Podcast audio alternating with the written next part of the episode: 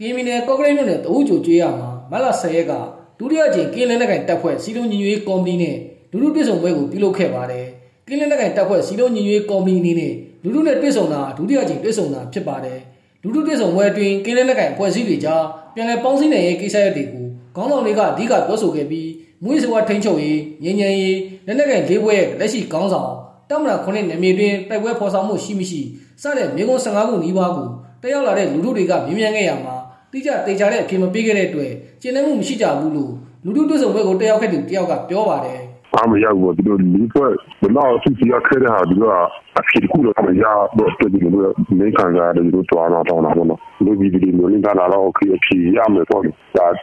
စနေကြော်ပြီးလို့သူစီလာဒီကူကတော့ရရှိနေတော့နောက်ဆိုတော့အရှိရပါသူ့ကိုရတဲ့ပုံတွေတော့မခံယူတဲ့ကိုကိုများလာအဲ့လိုတော့အဲ့ဒီမှုကြီးကအပြည့်မာတာမှဒီလိုချုပ်ကန်လို့မရဘူးဆိုတော့ ဒီကန်တူပြီးတော့တော်လေးခလာရများအဲ့ဒီတွေ့ဆုံပွဲကို NCA လက်မှတ်ရေးထိုးထားတဲ့ကင်းလက်နက်ကိုင်တပ်ဖွဲ့တွေဖြစ်တဲ့ KNU KNU KNL PC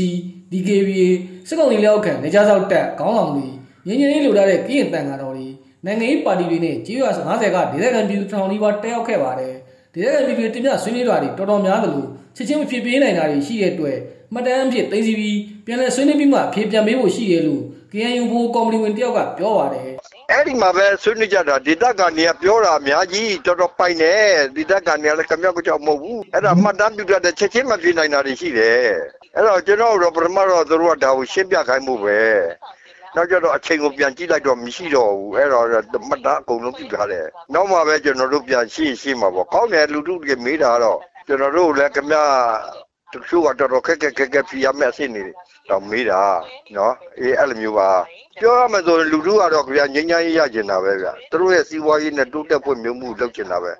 လက်ရှိကင်းရဲ့မျိုးသားစီယုံ KNU ထွန်းချုပ်နယ်မြေတွေတွင်းမှာစစ်ကောင်တပ်တွေနဲ့နေကြားသောက်တပ် BGF ပူးပေါင်းတပ်တွေနဲ့ KNL KNDO KTL PDF ပူးပေါင်းတပ်တွေနဲ့နေတိုင်းတိုက်ပွဲတွေဖြစ်ပွားနေပါတယ်။လက်နက်ကင်ပေါင်းစည်းဖို့ကတိတိကျကျကြီးခိုင်ခိုင်မာမာပေါင်းစည်းဖို့ကတော့မဖြစ်နိုင်တော့သေးဘူးလို့ကင်းရဲ့မျိုးသားဒီမိုကရက်တစ်ပါတီတာဝန်ရှိသူကပြောပါတယ်ဟို တကယ်တော့ဟိုတိတိကျကျကြီးခံခံမမိုင်းပေါင်းစီးဖို့ကတော့